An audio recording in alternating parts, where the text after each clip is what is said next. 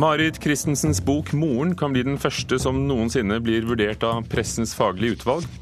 Og det er blitt en varm og omsorgsfull bok med diskutable litterære kvaliteter, sier vår anmelder senere her i Kulturnytt. Den 18 år gamle bratsjisten Eivind Holsmark Ringstad er en av de nominerte til Statoil-stipendet, og det er han for andre gang vi møter ham. Monica Heldals platedebut er starten på en lysende karriere, sier vår musikkanmelder. Og dette er sakene i Kulturnytt i Nyhetsmorgen i NRK med Ugo Fermariello i studio. Marit Christensens bok 'Moren' kan bli vurdert av pressens faglige utvalg, PFU. PFU har aldri behandlet en bok tidligere, men nå åpner Presseforbundet for at boken kan havne i utvalget dersom den blir klaget inn. Flere etikkeksperter mener boken er problematisk, mens Marit Christensen selv mener hun har fulgt pressens etiske retningslinjer. Jeg kan ikke se at det skal være noe å skamme seg over for noen i det jeg har fremstilt i dette. Christensen mener sjøl hun har fulgt de etiske retningslinjene i pressa sin Vær varsom-plakat. Ja, stort sett så har jeg det, fordi at jeg har den alltid present i mitt bakhode etter 40 år som journalist og, redaktør. Eh, og jeg mener at jeg har eh, behandlet stoffet jeg har hatt, på en etisk og moralsk måte. Og Wenche Behring Breivik sin advokat Hans Marius Gråsvold er interessert i å høre hva klageorganet for presseetiske spørsmål, Pressens faglige utvalg, ville sagt om boka ble klaga inn til deg. Eh, Mari Christensen selv brakte Vær varsom-plakaten på banen. Eh, og da var for så vidt min oppfølging av det at Eh, da ville det være interessant å høre hva Presseforbundet og PFU mente om det, når noen som i utgangspunktet ikke er bundet formelt av Vær varsom-plakaten, eh, selv ser seg bundet av den. Dette er en bok. Og Pressens faglige utvalg behandler ikke litteratur. I alle fall ikke til nå. Når forfatteren her så tydelig påberoper seg Vær varsom-plakaten, så, så, så oppsto det kanskje et grenseland der, og, og hva vet jeg, kanskje kunne hun tenke seg at den ble vurdert av Prestens faglige utvalg. Sier generalsekretær i Norsk Presseforbund Kjersti Løken Stavrum. Hun er åpen for at boka kan bli tatt opp. Hvis vi eh, får en klage, så vil vi, en, eh, vil vi, lese den klagen nøye og se om den inneholder noen nye argumenter som, som gjør at vi kan eh, legge klagen fram for PFU, slik at eh, utvalget kan avgjøre om, om klagen skal, eh, skal vurderes der. Flere etikkeksperter NRK har snakka med, sier innholdet i boka trolig ville fått kritikk i PFU. En av de er tidligere fagmedarbeider i presseetikk ved Institutt for journalistikk, Gunnar Bodal Johansen. Det jeg har sett, så tror jeg nok at man ville fått en åpenbar diskusjon i Pressens faglige utvalg om dette tåler om dette er god presseskikk eller ikke. Det forhold at man eh, omtaler f.eks. Breiviks far, som man gjør, og andre, uten å ha snakket med dem, eh, det ville jo aldri jeg akseptert som redaktør at man gjorde. Men han mener likevel ikke at bøker kan takes opp i PFU. Jeg kan ikke se at det er mulig, fordi at eh, Pressens faglige utvalg vurderer jo klager mot såkalte journalistiske medier, altså redaktørstyrte journalistiske medier. Og det er jo aldri enkeltpersoner som blir klaget inn til Pressens faglige utvalg, det er alltid redaksjonen. Sa Hans Marius Gråsvold, advokat eh, til avdød. Sa Gudnar Bodal Johansen faktisk til slutt i denne reportasjen, som var ved Maria Pila Svåsand. Kjell Lars Berge, du har eh, lest boken på oppdrag av Kulturnytt, professor i tekstvitenskap ved Universitetet i Oslo. Nå har vi hørt mye om eh, bokens forfatter og aktører. Kan du begynne med å beskrive den? Du, Det er en veldig personlig, intens, eh, ganske varm skildring av eh, Wenche Berit Breivik. Det er en god tekst i så måte. Den forteller om henne, den forteller om livet hennes, og den forsøker på en måte å knekke koden, finne ut hvorfor det gikk så galt som det gikk med sønnen hennes. Eh, det som er litt sånn diskutabelt, vi nevnte jo det innledningsvis, ved den, altså han, den I så måte har den ganske gode kvaliteter. Det er godt skrevet, og det er meddrivende, og det er interessant å lese. Jeg håper inderlig at folk ser forbi pressens reaksjoner på denne boka, og, og, leser den, for den er ganske annerledes enn det som det blir framstilt av mange pressefolk, faktisk. Men, Hvilke reaksjoner i pressen er det du som eh, professor i tekstvitenskap altså, er uenig i? Nei, altså dette er en intimiserende altså At hun tråkker over en grense, at hun nærmest roter seg eller tvinger seg inn i det aller privateste. At hun velter seg i personlige detaljer, seksuelle opplysninger. Alt dette er, er urimelige vurderinger av det. Det er heller ikke karakterdrap på faren til eh, Anders Behre Breivik. Det er en helt eh, ganske grei skildring av et liv og, og det, det, det, livet som hun levde, altså Wenche Behre Breivik, og hvor tungt det har vært for henne. Hun, hvordan skulle boka ellers ha vært? Altså, Hva slags fortelling skulle det i så fall vært? Altså, Wenche Behre Breivik er en kvinne som har levd i total anonymitet. Hun har vært et privat menneske. Hun har ikke gjort en katt fortred. Hun har forsøkt å overleve. Hun har tung oppvekst. Og hun har klart seg ganske godt inntil det som skjedde, nemlig at hennes sønn viste seg å være Norges verste massemorder gjennom alle tider. Helt grusom opplevelse. Og eh, Benke Berg Bervik har jo bedt om at denne boka ble skrevet av Mari Christensen fordi at hun identifiserte seg med Mari Christensens egne opplevelser som det Mari Christensen kaller å være et medieoffer. Det som ikke er så godt med boka, det må jo også sies da.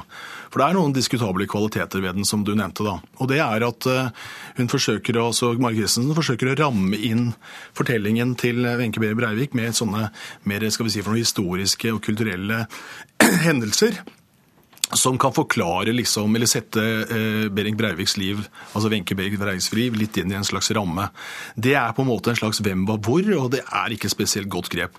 Der er eh, Åge Borchgrevinks bok om Breiviks, altså morderen, da, Anders Behring Breiviks, eh, liv mye bedre, for den går jo mye mer inn i den eh, sosiale og kulturelle bakgrunnen og den oppvekstmiljøet som, som denne massemorderen eh, har levd gjennom i Oslo. Du nevner at eh, det var Wenche Behring Breivik selv som tok initiativet til eh, boken. Samtidig så har vi hørt at eh, hun noen uker før hun døde ba om at den ble stoppet. Ja. Hvordan farger den, disse omstendighetene din lesning av boken? Nei, Jeg skjønner at det kan være problematisk. og Hadde Wenche Behre Breivik overlevd denne kreftbehandlingen, så hadde jo selvfølgelig ikke denne boka kommet ut. Nå kan hun ikke stoppe boka, rett og slett fordi hun er død, og nå driver advokatene en sak for henne. og Det respekterer jeg fullt ut. Men det er ikke en bok som er framstiller Wenche Behre Breivik negativt. altså. Snarere tvert imot er en varm og omsorgsfull skildring av et veldig tøft liv.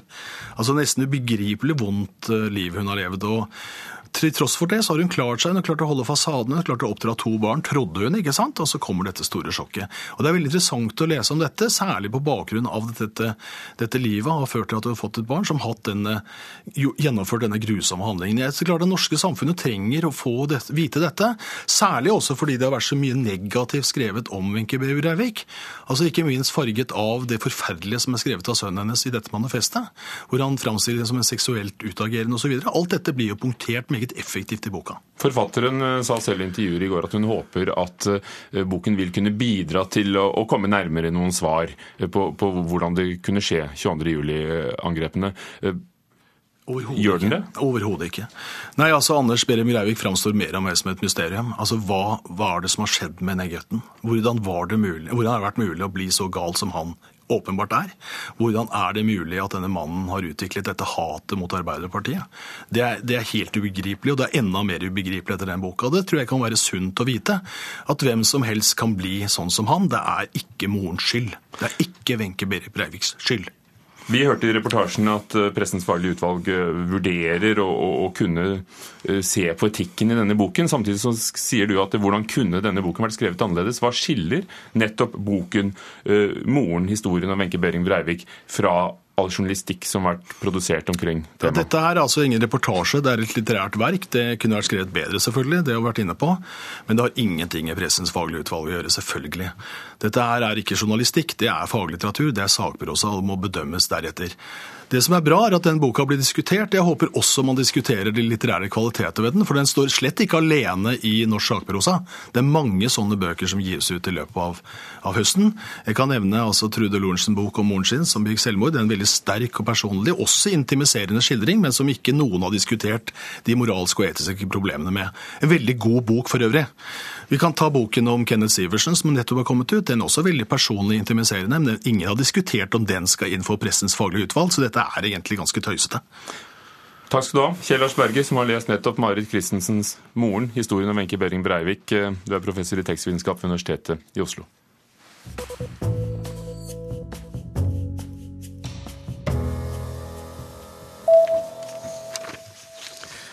22. juli-relaterte bøker vekker nettopp stor interesse både i salgshyllen og på biblioteket. Åge Storm Borchgrevinks bok om Anders Behring Breivik, eh, som vi nevnte i samtalen nå nettopp, topper utlånsstatistikken ved Deichmanske biblioteks eh, filialer i Oslo, etterfulgt av Kjetil Stormarks bok 'Da terroren rammet Norge'. Denne siste er nå trykket i 20 000 eksemplarer, og det regnes som mye for en sakprosabok. Flere andre bøker om 22. juli ligger høyt på salgs- og utlånslisten også, skriver Dagens Næringsliv. Og I dag presenterer VG for første gang en albumsalgsliste som inkluderer tall fra strømmetjenestene. Dagens Topp 40 markerer et tidsskille for måling av hva som er de, den mest populære musikken i Norge. Både salg av fysiske produkter, album kjøpt via nedlastning og album spilt via strømmetjenestene er dermed det som er grunnlaget for den nye VG-listen. Norge er det andre landet i verden som bruker denne modellen for sin offisielle albumliste, skriver selvfølgelig VG selv. Og Nordisk råd kutter budsjettet med 5% for eh, neste år. Dermed innskrenkes midlene til kultur fra 173 til 165 millioner danske kroner, noe som kommer til å gå utover flere kulturprosjekter. Et av dem er Nordisk journalistsenter i Danmark, som eh, får budsjettet skåret ned med 1,6 millioner danske kroner, skriver Klassekampen i dag.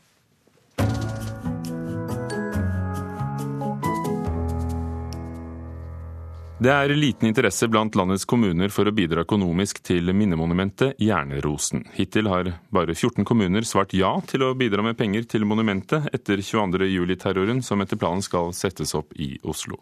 Denne uken har Arvid Jansson fra Jernrosen minnemonument sendt ut brev til alle ordførere i landet, og håper at flere kommuner ønsker å bidra. Vi har oppfordret de til å gi 10 000 kroner fra hver kommune. Og det vil jo eh, hjelpe betraktelig på hvis samtlige kommuner hadde bistått. I Telemark er Tokke den eneste kommunen som har bistått, og ordfører Hilde Vågsli er stolt av å kunne bidra. Som jeg syns dette er et, et, tiltak som jeg synes er viktig å, å, støtte opp om. At det er noe som uh, angår hele landet. For, for Tokke sin del så var det en viktig sak å slå ring om. Flere ordførere i Telemark sier at de ikke har tatt stilling til om de skal bevilge penger.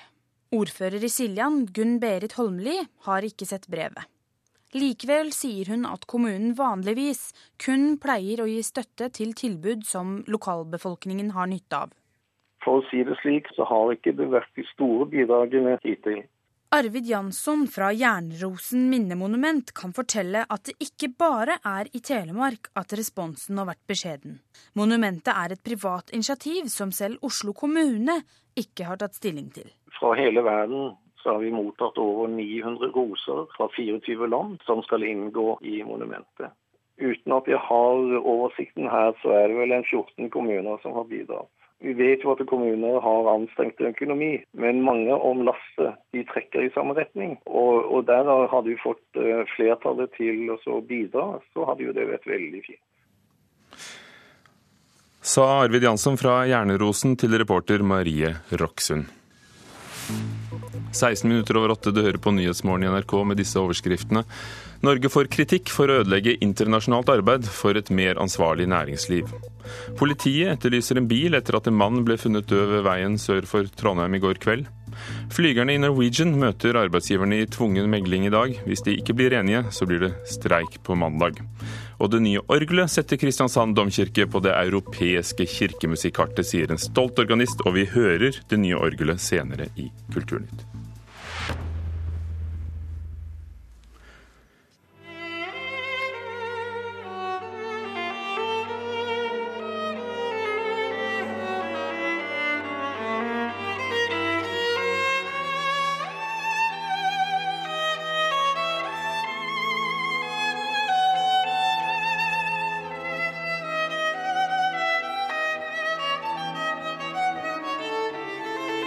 De nominerte til Norges største musikkstipend er blitt kjent i morges. Statoils talentstipend på 1 million kroner for unge musikktalenter, heter det. Og den yngste av de nominerte er det vi hører her. Eivind Holsmark Ringstad, bratsjist, velkommen. Tusen takk. Eh, hva ville det betydd å få et stipend av den størrelsen, 1 million kroner? Vel, det er jo en veldig stor sum, og jeg har virkelig aldri før tenkt på at jeg kunne faktisk vunnet så mye penger. Um, for en musiker på min alder, da, så er jo da et sånt stipend en veldig økonomisk støtte. Fordi noen skoler i, uh, ute i verden har en veldig høy uh, pris da, for å kunne studere der i det hele tatt. Så det, en sånn pris er jo da en sånn støtte, da, rett og slett. Og I fjor ble du den første nordmannen som vant førsteprisen i EBU, Europeiske kringkastingsunionens store solistkonkurranse for unge musikere i Wien. Det er en av de aller største og for en gangs skyld kan vi faktisk si prestisjetunge konkurransene. Eh, hva har det betydd for deg i det året som er gått etter at du vant? Vel, jeg har kunnet nå en mye større publikum, da. Det må jeg bare si. Og um, jeg har vært i, eh, spilt mange konserter og deltatt i mange festivaler, så det har vært veldig, veldig stort for meg, da. Eh, så det er faktisk sant at det åpner dører? Ja. Spiller du annerledes når du spiller på en konkurranse? Nå er ikke Status musikkstipend ingen konkurranse. Her blir du nominert sammen med flere andre, og så ser man på hva du har gjort og tenker seg at du skal gjøre. Men, men er det annerledes å spille på en konkurranse eh, enn å spille en vanlig konsert? Vel, man prøver jo å tenke at det er det samme. Jeg tenker, prøver å ikke tenke på at det er en, eh, en jury som sitter der og uh, vurderer, da. Men uh, det er jo en forskjell. Nerve, nervene er jo der. Så det er litt annerledes. Mm. Men det hjalp jo tydeligvis i Wien i fjor. Vi hørte så vidt litt av deg sammen med Kringkastingsorkesteret spille Bella Bartoks bratsjkonsert fra Store Studio i januar i, i, i NRK. Hva er det du vil ha frem når du spiller? Når du tolker et verk, hva leter du etter? Jeg prøver å finne budskapet i musikken. Og i Bartoks bratsjkonsert så er det veldig mange farger, veldig mange klanger han vil ha fram i musikken sin. Så det jeg gjør da, er å prøve å få fram budskapet til Bela Bartok.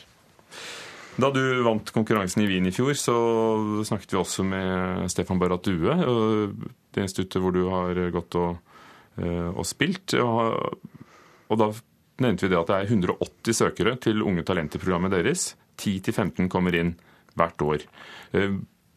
Eh, hvordan har det vært å komme dit du er? Vel, um, å komme inn på Unge talenter, det var jo for meg en, eh, et steg videre. Um, jeg kom ikke inn første gang jeg søkte. Jeg kom inn andre gangen. Så jeg kom ikke inn første gang. Så, men uh, Unge talenter har vært uh, veldig viktig for min uh, musikalske forståelse. Da. Hvor mye øver du? Hvor mye spiller du? Ja, fire timer vanligvis. Mm. Du, du, sa at du har kunnet nå mer publikum, flere. Hvem vil du helst spille for? Hvem er det du vil nå? Jeg vil nå de som er um, musikkinteresserte. Men jeg vil også nå um, et yngre publikum. Og jeg vil også vise fram bratsjens potensial. For den er ikke så mye sett, faktisk, uh, fra et større publikum. Så for meg er det veldig supert. Takk skal du ha, Eivind Holsmark Ringstad, bratsjist. Og det kan jo hende du får gjort det eh, hvis du blir, får Statoils eh, musikkstipend. De andre nominerte er Ingeborg Christoffersen, som spiller blokkfløyte, Frida Fredrikke Våler Værvågen på cello og fiolinist Guro Kleven Hagen. Og 25.11 får vi vite hvem som får Statoil-stipendet på 1 million kroner.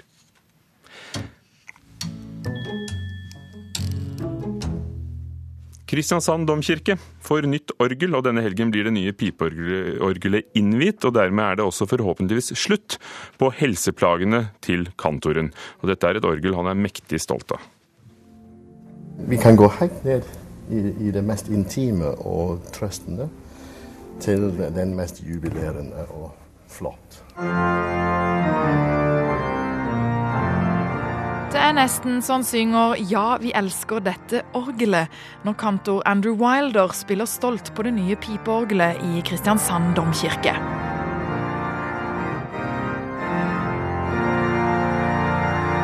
Yes, jeg elsker det. Og med god grunn, kanskje. For sist vi møtte kantoren, fortalte både han og andre organister om yrkesskadene som mange har fått ved å spille tungspilte orgel. Ja, du kan si for fire-fem år siden så var det det at eh, vi måtte stenge det gamle orgelet av eh, nesten medisinske eller helsemessige årsaker. Dette pga. flere operasjoner i håndleddene og to nye skiver i nakken til Wilder. Og så har vi klart oss med lite elektronisk orgel i mellomtida. Ja, det har holdt hjulene i gang, men det har ikke vært noe særlig glede Det er som å spille på et stereoanlegg, men nå har vi det stikk motsatt. Nå har vi et orgel som er så omfangsrik at det skal ta noen måneder å bli skikkelig kjent med det. Det nye pipeorgelet til 12 millioner kroner, som Wilder liker å kalle Norges første HMS-orgel, er bygget av Kleis i Tyskland, som også har levert orgler til bl.a. domkirka i Köln og Nasjonalt senter for scenekunst i Beijing. Og ikke nok med det, så er det en enda litt ekstra når vi trekker den. Og Wilder mener nå at domkirkas nye orgel er ett i verdensklasse. Det setter Kristiansand egentlig på det europeiske kirkemusikalsk kart. For her har vi det samme utstyr som du vil finne i uh, mange tyske katedraler, franske katedraler. Her er det muligheter til å gi kristiansandere og folk som reiser i det området her, det samme opplevelse som om de hadde stukket innom Stefansdomen i Wien eller noe sånt. Så vi, vi er på verdenskartet nå. Til helga åpner den store orgelfesten, og mens Wilder øver iherdig innimellom tyske orgelbyggere, kan han konstatere at arbeidsredskapet hans ikke lenger gir ham helseplager. Du kan si jeg spilte nå på fullt verk, og det ga ingen verk, for å si det sånn, i, i hendene mine. Fordi uh, du skal ikke måtte bruke åtte kilo for å få ned tangentene. Her, her går det fint. Det er, det er lettspilt, og du får den kraft du trenger, pluss at du har elektrisk assistanse. Og reporter var Mari McDonald. I Kulturnytt har vi hørt at boken 'Moren' om Benke Behring Breivik er en varm og omsorgsfull bok med diskutable litterære kvaliteter, sa vår anmelder. Halvor Haugen, Lars Tronsmoen Ugo Fermariello sto bak Kulturnytt.